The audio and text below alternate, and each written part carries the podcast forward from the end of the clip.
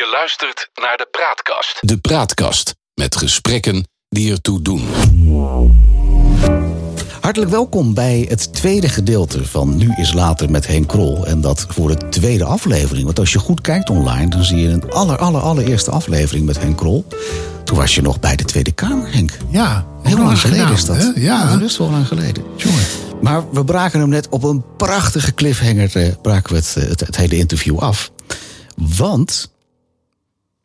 Ga je hem invullen? Ja, De politie stond voor de deur. de politie stond voor de deur. En toen ben ik eh, s ochtends vroeg naar de bed en breakfast toe gereden. En toen bleek dat er een kamer verhuurd was aan een jonge man die daar een meisje. Ja, hoe oud zal ze geweest zijn? Ik schat ze een jaar of twintig. Ja. Dat die jonge man, dit meisje, de hele nacht had verhuurd aan heren die daar elk uur even gebruik van mochten maken. En toen had ik zoiets van, ja, dit, dit is zo ver van Maar hoe kwam dat bij jou ter oren dan? Wat, wat- Doordat wat- de, de, het meisje had bij het wisselen van twee klanten ja. haar telefoon gepakt en had de politie gebeld en gezegd dat ze meermaals tegen haar zin verkracht was. In de jouw politie- bed en breakfast. In onze bed en breakfast. Ja, en toen had ik zoiets van, stel nou toch dat dit naar buiten komt. En wanneer hoorde jij dat? Ochtends toen ik gebeld werd Door wie? door de politie, De en door de medewerkers en door de medewerkers die er op dat moment waren. En zeiden van de politie is hier aanwezig. Ik heb toen geprobeerd om. Maar het was s'nachts dat het gebeurd is? Of is S ochtends heel veel. Ja, het is s'nachts gebeurd. Hè. Het is denk ik aan het eind van de avond begonnen. En het is gedurende de nacht doorgegaan. En ik werd 's ochtends eh, vlak voor zes uur werd ik gebeld. Oké. En dat is eigenlijk de hele nacht heeft dat plaatsgevonden. Maar wie heeft dan diegene eh, binnengelaten of geboekt? Hoe noem je dat? Ja, hoe het geboekt is, eh, eh, weet ik niet. Ik weet wel dat. wij waren altijd bij boekingen heel voorzichtig. Dat je toch een beetje probeerde te kijken van wat voor mensen zijn het, waarom komen ze. Heb jij in jouw tijd ook mensen geweigerd? Ja, ik heb één keer mensen geweigerd, ja.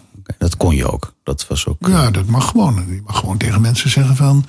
wat u van plan bent, dat past niet eh, in, in mijn opzet. Dus eh, Dat leidde niet tot discussies die vervelend werden. nee, dat leidt dan dat mensen zeggen van... nou, dan gaan we en... dan wordt er niet afgerekend. Dus dan zit je met een paar lege kamers. Ja, dat is wel zonde van het geld. Maar Dat zijn financiële consequenties. En zoals je weet, die vind ik altijd iets minder belangrijk. ja, dat zeg je. Dat weet ik natuurlijk niet. Ja, Zo dat ken echt ik je niet. Maar, Ehm, maar even teru- daarop terugkomend. eh, Wil jij nu zeggen dat, eh, stel dat Aldo en jij nog echt op dezelfde manier het, het, eh, de B&B geleid hadden, dat jullie deze manier eruit gefilterd hadden? We hadden hem in eerste instantie waarschijnlijk nooit toegelaten. Maar als, je, maar als je in de gaten had, en dat moet je in de gaten gehad hebben, want je zag gewoon dat er elk uur een andere meneer die kamer werd binnengelaten. Dat is redelijk ongewoon. Ja, dan, dan eh, zeg je gewoon van eh, even nok aan de deur en eh, wilt u wegwezen, want dit staan wij bij ons niet toe. Dan moet u ergens anders naartoe gaan. Oké. Is er voor jou nog een verschil dat het, dat het ehm, prostitutie in het algemeen was? Of eh, voegt het voor jou wat toe dat het een, een, een, een gedwongen prostitutie was? Want dat vind ik een groot verschil. Nou, dat wist ik, dat, dat zou ik natuurlijk zelf nooit hebben kunnen constateren. Want het meisje heeft niet met mij gebeld, maar heeft met, met de politie gebeld. Ja, waarvan je eruit mag gaan dat het uiteraard onvrijwillig is. Dat snap ik. Ja, Maar nee, nee, nee, maar dat, is, dat heeft ze aan de politie ook verteld. Dus Ja. dat is achteraf. Maar op het moment, kijk, als je daar bent. En het was op dat moment nog mijn verantwoording geweest. Ja. Dan had ik geconstateerd dat daar prostitutie werd bedreven. En dat zou ik niet hebben toegestaan. Als ik dan achteraf geweten had dat het ook nog een keer gedwongen was. Nou, dan eh, had ik het nooit toegestaan. Maar dat kon je natuurlijk van tevoren, laten we heel eerlijk zijn, niet weten. dat snap ik. Maar het gaat er mij puur om, dat is voor jou een essentieel verschil ook, mag ik aannemen. Jazeker, tuurlijk. Oké. Maar ik vind überhaupt al prostitutie eh, moet iedereen helemaal zelf weten. Daar ga ik niet over. Maar niet in jouw in een B&B. BNB die mijn naam draagt. Oké. Ehm, je zegt dat het meisje tegen haar zin seks heeft gehad in jouw B&B. Ehm, heeft dat bij jouw we- weten ook geleid tot een aanhouding en een, en een strafproces? Zijn daar Op dit moment, ja, je moet altijd opletten op welk moment mensen hier naar luisteren. Maar op het moment dat wij dit opnemen, loopt bij de politie nog steeds een onderzoek. Worden mensen gehoord en is men daar nog heel druk mee bezig. Word jij ervan op de hoogte gehouden? Dat belooft de politie altijd wel, maar dat duurt altijd iets langer. Ik denk dat. Je zegt eh, alsof je uit ervaring spreekt. ja, zeker. Maar ik weet dat, dat Aldo in ieder geval eh, eh, wel goed op de hoogte gehouden wordt. En dat hij ook nog door de politie gehoord wordt. We hebben het eigenlijk vanaf mei dit jaar dat je zelf met de B&B begonnen bent. Nu, sinds dat de andere, of dat de eigenaar eigenlijk weer de bedrijfsvoering overgenomen heeft, is er een incident geweest met lachgast. Eh, er is iets met gedwongen prostitutie geweest. Waarom trok jouw B&B zulke mensen aan, denk je? Kijk, het ligt natuurlijk prachtig in de bossen. Ver van de bewoonde wereld. Dus los van de mensen die we vooral aantrokken. En waar ik ook heel blij mee was. Mensen die er kwamen om leuk andere mensen te ontmoeten. En die het leuk vonden om met mij over van alles en nog wat te praten. Wat jouw manier van B&B bedrijven was, zeg maar. begrijp ik dat die kwamen en die vond ik ook heerlijk. Maar er kwamen natuurlijk ook mensen. Je zag ook voortdurend als we op het terras zaten dat er auto's kwamen aanrijden, die kwamen kijken en die vertrokken dan weer.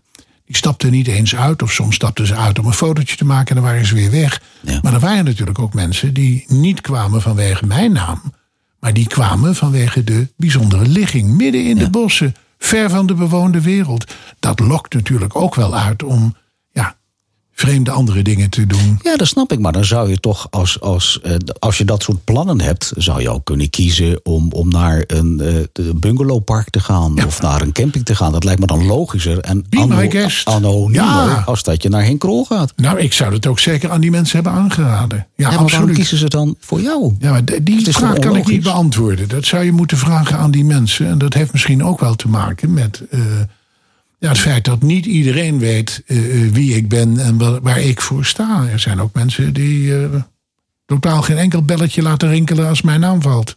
Die gewoon denken dat Henk Krol gewoon een Henk Krol is. Zal wel. Ja, die mensen heb je ook. Die heb je. En als die zien waar ja, deze prachtige BNB ligt, dan zijn dat misschien mensen die helemaal niet, en dat is ook wel duidelijk, niet voor mij kwamen, maar voor nee, totaal andere, dingen. Ja, snap ik. hey, maar dat was voor jou eigenlijk Ja, dat was echt een breekpunt. Dat was ja, breekpunt. toen had ik zoiets van, jongens, dit, dit kan niet meer. En eh, ja, ik, ik, ik vind het nog steeds een fantastische locatie. En ik vind het ook heel leuk. En, en als we de familie van Genuchten en ook eh, de dochters van Genuchten kunnen helpen... dan wil ik dat nog steeds doen, maar niet met mijn naam erbij. Dus eh, ja, die kleine fee die ik per maand kreeg, die mis ik met plezier. Die hoef ik niet te hebben. Ja. Maar Aldo, die er gewoon werkt, Die werkt er nog steeds. die werkt er nog steeds. Tot op de dag van vandaag. Ja, en ik heb ook vanaf eh, de eerste dag nadat er een definitieve breuk kwam, heb ik gezegd: als je me hulp nodig hebt en als ik je ergens bij kan helpen, ik wil je blijven helpen. Want het is nog steeds iets wat ik fantastisch mooi vind. Het gaat, je, het gaat je echt aan het hart, zeg maar. Zeker weten. En ik ben ook samen met Aldo op zoek om te kijken of we elders misschien een plek kunnen vinden. Waar we het helemaal zelf gaan kunnen dat je graag een B&B willen. Dat zou wel heel erg leuk zijn. Nu, eh, ene Noël van Hoofd, dus een redacteur van Omroep Brabant... die heeft het verhaal van de eigenaar Ton van Genuchten gepubliceerd. Ehm, wat toch een beetje anders van toon is. Hij, hij noemt je daarin een eendagsondernemer... waarvan de fantasie niet is uitgekomen. En eh, je zou daar beloofd hebben dat de rijkste en meest invloedrijke mensen... bij jullie zouden boeken, waaronder Mark Rutte. Maar dat is allemaal niet gebeurd, zegt hij. Ehm, en hij zegt erachter gekomen te zijn, en dan citeer ik even... als je met Henk samenwerkt, dan kom je in zijn turbulente leven... in een fantasiewereld terecht. Wat wil je daarop reageren als je dat dan hoort? Ja, A heeft hij het niet zelf gezegd, maar heeft het in woordvoerder laten zeggen. En ik hoopte zo, na alles wat Toon had meegemaakt, dat die wereld zoals ik die voor me zie, en die Ja. is echt wat kleurrijker dan zijn wereld. Bij mij gaat het niet primair om geld. Bij mij gaat het om leuke dingen. En als je ziet wat voor gasten er bij mij geweest zijn. De mensen hoeven maar naar de podcast te luisteren. En ze kunnen horen wat voor geweldige mensen er bij mij zijn geweest. En Mark Rutte, daar heb ik nog nooit van gezegd dat hij bij ons zou komen. Ik vond het al fantastisch dat hij me in de eerste week dat ik daar begon opbelde. En me succes wenste. Dat heb ik ooit tegen Toon gezegd. En dat heeft hij misschien niet goed gehoord en gedacht dat ik gezegd zou hebben dat hij zelf zou komen. Nou, dat kan je op je vingers natellen. Ondenkbaar dat de minister-president daar naartoe zou komen. Maar dat hij er belangstelling voor toonde, dat is bewezen. En als je ziet wie er verder allemaal gekomen zijn. En die namen ga ik niet noemen. Maar hele grote artiesten. En Je maakt me wel grote- nieuwsgierig natuurlijk. hè. Wat zeg je? Je maakt me wel nieuwsgierig. Want wie zijn er dan wel geweest? Nou, hele grote musicalsterren. Hele grote artiesten uit de Nederlandse amusementswereld. Mensen waar we allemaal zeer tegen opkijken zijn er geweest. Ja. En die poseren ook heel lief samen met de dochters van Toon van Genuchten op de foto. Dus eh, ik had zo gehoopt dat Toon een beetje kon meegenieten, meegenieten van die wereld die we daar probeerden te creëren. Ja, dus je laat die woorden lekker bij hem liggen. En Ja. Je vindt het wel. Ik eh, vind je dat het jammer en ik begrijp heel goed na alles wat hij heeft meegemaakt dat ook hij erg teleurgesteld moet zijn. Ik ook, omdat er iets mislukt is wat echt een kindje van me was. En hij in alles wat hij in het leven meemaakte. En ik had dat leed heel graag voor hem wat verder willen verzachten. Snap ik. Ehm, maar dan geef je dus ook eigenlijk aan dat jij een, een, een kleurrijker B&B voor je ziet. Ehm, maar allereerst even een hele andere vraag nog. Henk, mag ik vragen, waar leef je nu van eigenlijk? Waar ik nu van leef. Ja, wat is jouw, wat is jouw inkomen? Wat is je Nou ja, ik heb natuurlijk een, een leeftijd waarop je in Nederland gelukkig AOW en pensioen krijgt. En De ik heb gaan ervan glimmen. Van yes, ik hoef niet meer. Ik hoef niet meer. Nee. Maar ik vind het leuk om dingen te doen. Maar je hebt een normale, riante, zeer pausante pensioenvoorziening. Eh, dat durf ik nou ook weer niet te zeggen. Maar eh, Nou, die grijns op je gezicht zegt genoeg. Je leeft er goed van, zeg maar. ik, ik heb niks te klagen. Je hebt niks te ziet mij ook helemaal niet klagen. Maar dat houdt in dat de dingen die ik doe, die wil ik echt doen omdat ik ze leuk vind. En niet primair om er geld mee te verdienen. Ik wil er ook niet op toeleggen, dat zeg ik er altijd meteen bij. Maar geld verdienen is niet meer mijn eerste grote wens.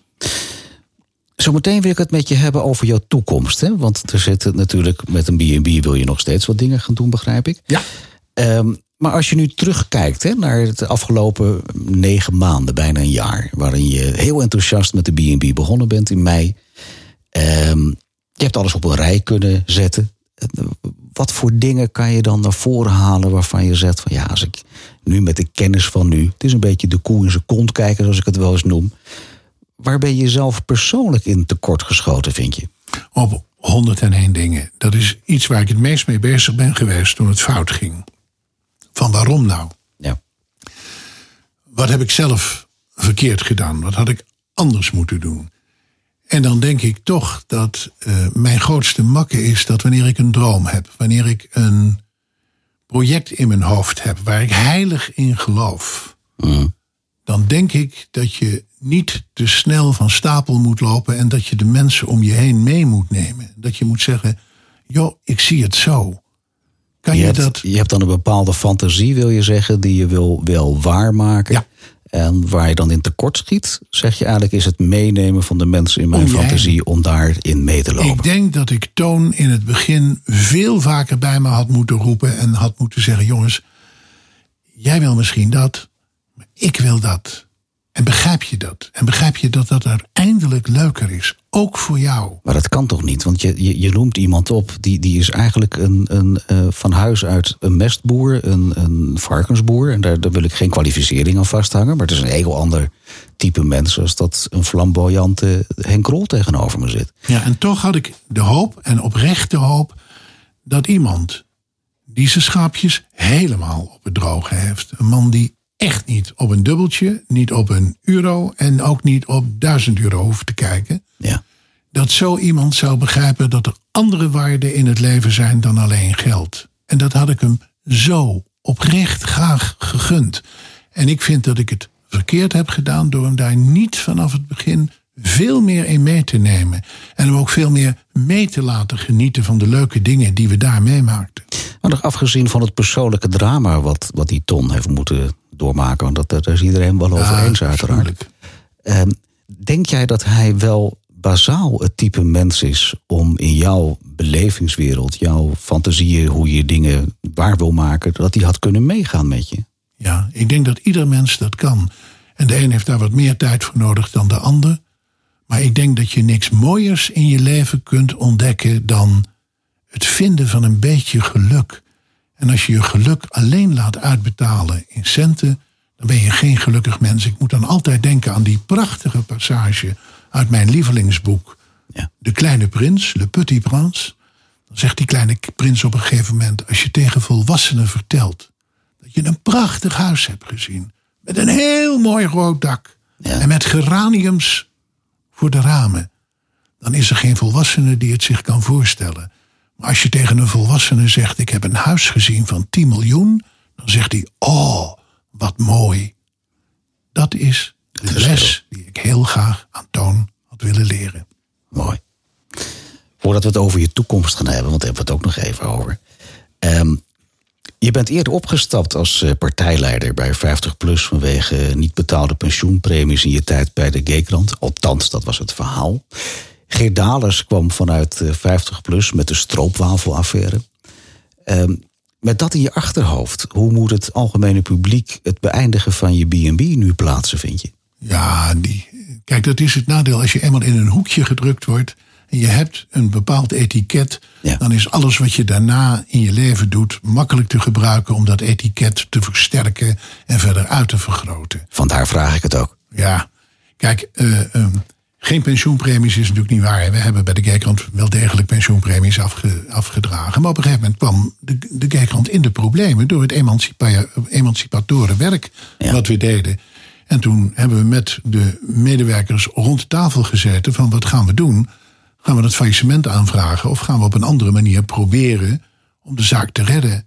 En toen kwam uit de medewerkers zelf het voorstel: zullen we dan even tijdelijk, zolang als het niet kan, geen pensioenpremie afdragen? En op die manier. Alleen een vanuit de werkgeverskant of ook vanuit de werknemerskant? Nee, vanuit de, de werknemers. De werknemers stelden dat voor.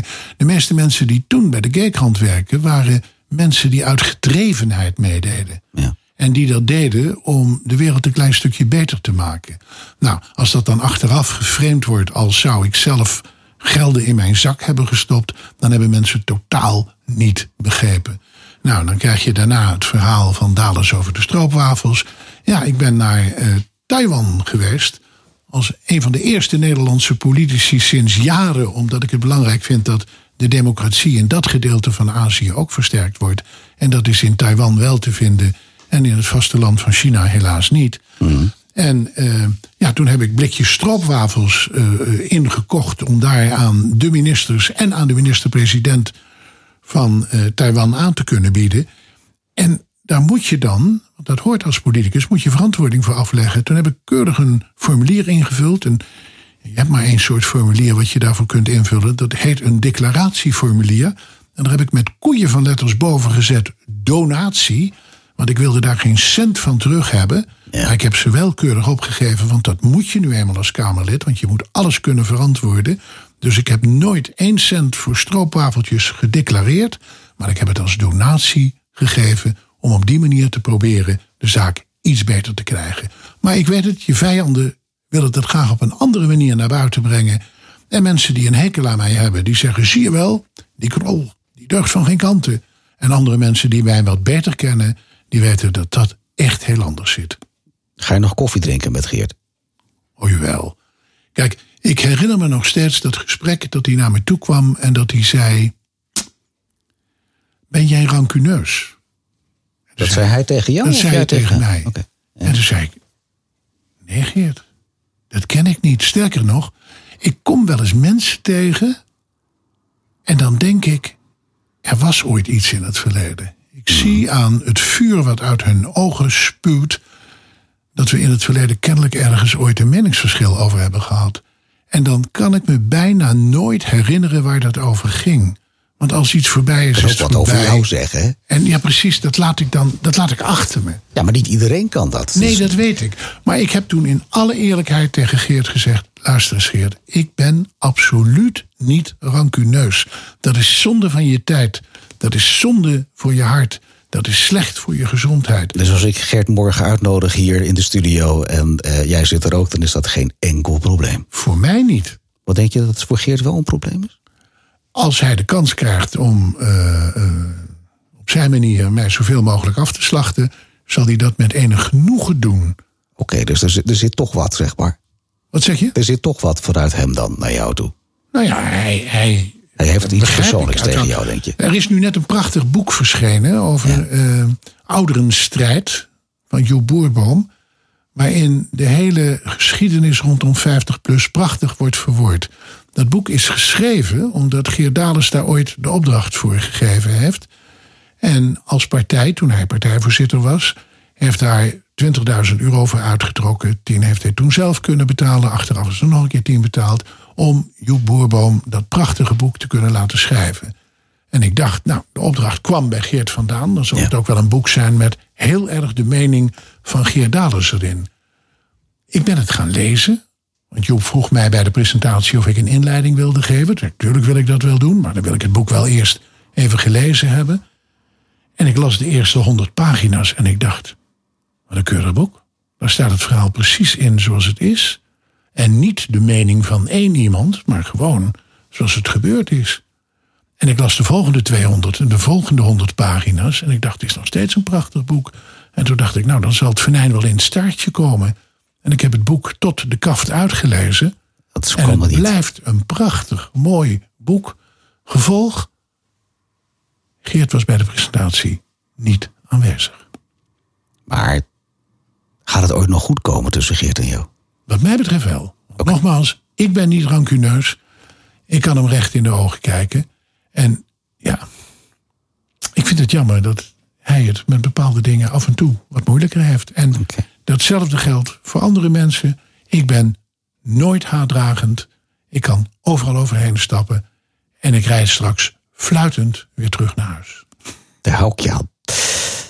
Maar eigenlijk zeg je dus, afsluitend, nou Victor, die stroopwafelaffaire en eh, ja, die 50-plus eh, toestand met eh, de gaykrant en de pensioen, daar hoort de B&B niet bij. Dat zeg je eigenlijk. Ja, het is, het is wel iets wat ik mezelf natuurlijk erg heb afgevraagd in die periode eh, dat ik dacht van wat moet ik mezelf nou verwijten? En dan geldt wel bij heel veel dingen die ik doe, moet ik rekening houden dat ik inderdaad een andere manier van denken heb dan de meeste andere mensen. Ja. En dan moet je de mensen om je heen, en dat zijn niet altijd vrienden, hè, de mensen om je heen. Mensen om je heen zijn mensen waarmee je samenwerkt. En dat is iets anders dan vrienden. Dat willen mensen nog wel eens verwarren met elkaar. Dan moet je die mensen om je heen veel nadrukkelijker meenemen in jouw gedachtenwereld. En dat heb ik te weinig gedaan. Oké. En nu, want we zitten nu voor de kerst bij deze opname. Ach ja, Kerst 2021, midden in coronatijd.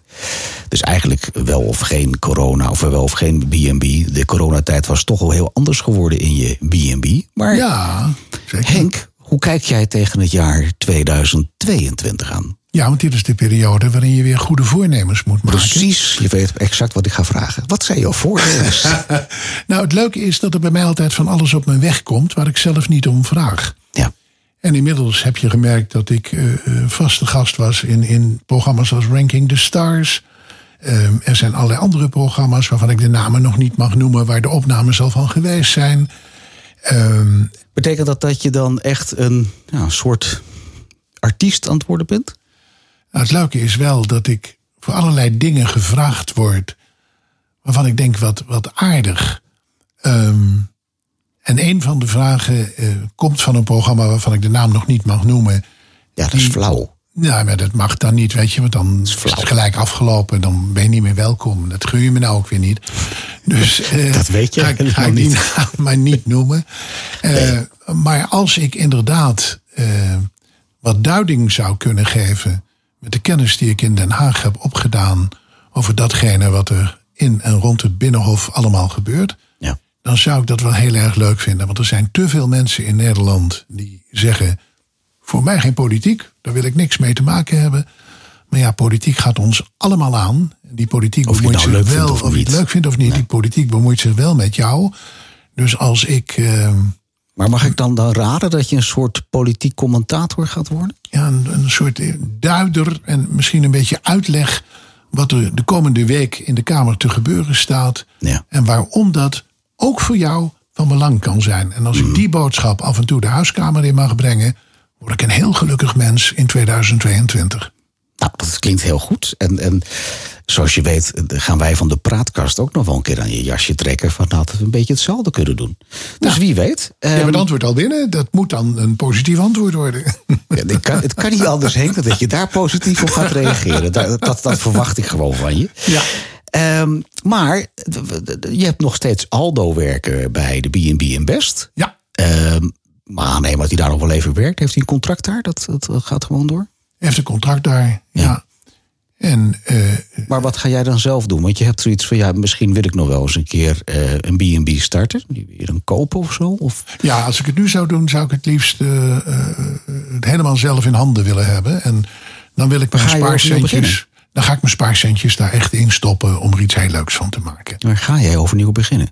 Dat zou zomaar kunnen gebeuren. maar dat moet je niet over één. Nee, dat, weet je, ik heb het toen, omdat dit op mijn weg kwam, heb ik het hals over kop gedaan. Dan maak je fouten. Maar ik vind fouten maken niet erg als je er maar van leert. En ik heb ervan geleerd. Dus ik zal het niet meer 1, 2, 3 doen. Maar als ik tot 10 mag tellen, heel graag. Waarvoor mogen wij jou bellen als we het hebben over het aspect B&B? Waar denk ik dan aan? Waar, waar, waar mogen wij jou voor bellen? Uh, Hoe ziet het eruit? Ik, ik zoek een locatie niet al te groot en niet al te klein. Zodat je je aandacht over meerdere mensen kunt verspreiden. Hoeveel kamers heb je het over dan? Ik zou het leuk vinden acht tot tien kamers. Dat, nou, dat, redelijk fors. Redelijk fors. En nu waren het er veertien, dat is eigenlijk net iets te groot. Uh, ik zit meer te denken aan acht tot, tot tien kamers. En uh, waar ook voldoende ruimte is om met de gasten te praten. En ook om gasten met elkaar te laten praten. En de locatie? Ja, ik vind een rustige locatie fijn. Als je midden in de stad zit, dan waaieren mensen uit en dan ben je ze kwijt. Zeker als de coronatijd hopelijk ooit voorbij gaat. Maar uh, een locatie zoals we die hadden, midden in de bossen, in de natuur. Ik vind het fantastisch. Ja, jij komt van oorsprong ook uit Best. Ik ben. Als we niets vinden uh, op Texel, uh, ga je dan? Ja, het is een prachtig eiland. Het is heel mooi om daar te zitten. Ja hoor. Zeeland? Ja, daar heb je ook hele mooie locaties. Veluwe, Nunspeet. Daar heb je al heel veel dingen waar je dan tegenaan moet concurreren. Dus ik zou liever iets verder weg van die prachtige Veluwe zitten. Ja, maar jij bent het onderscheidend vermogen. Ja, laat ik ook niet uit op mijn borst koppen. Hè? Er komen ook andere mensen en dat zijn de mensen waar je de grootste problemen mee hebt. Oeh, dat wordt spannend. Ik kijk er naar uit, Henk, om uh, jou volgend jaar bij Leven en Welzijn uh, nogmaals te mogen interviewen waar we dan zijn met z'n allen. We gaan het zien. Heel graag tot dan. Dankjewel voor je medewerking. Goed en hoi.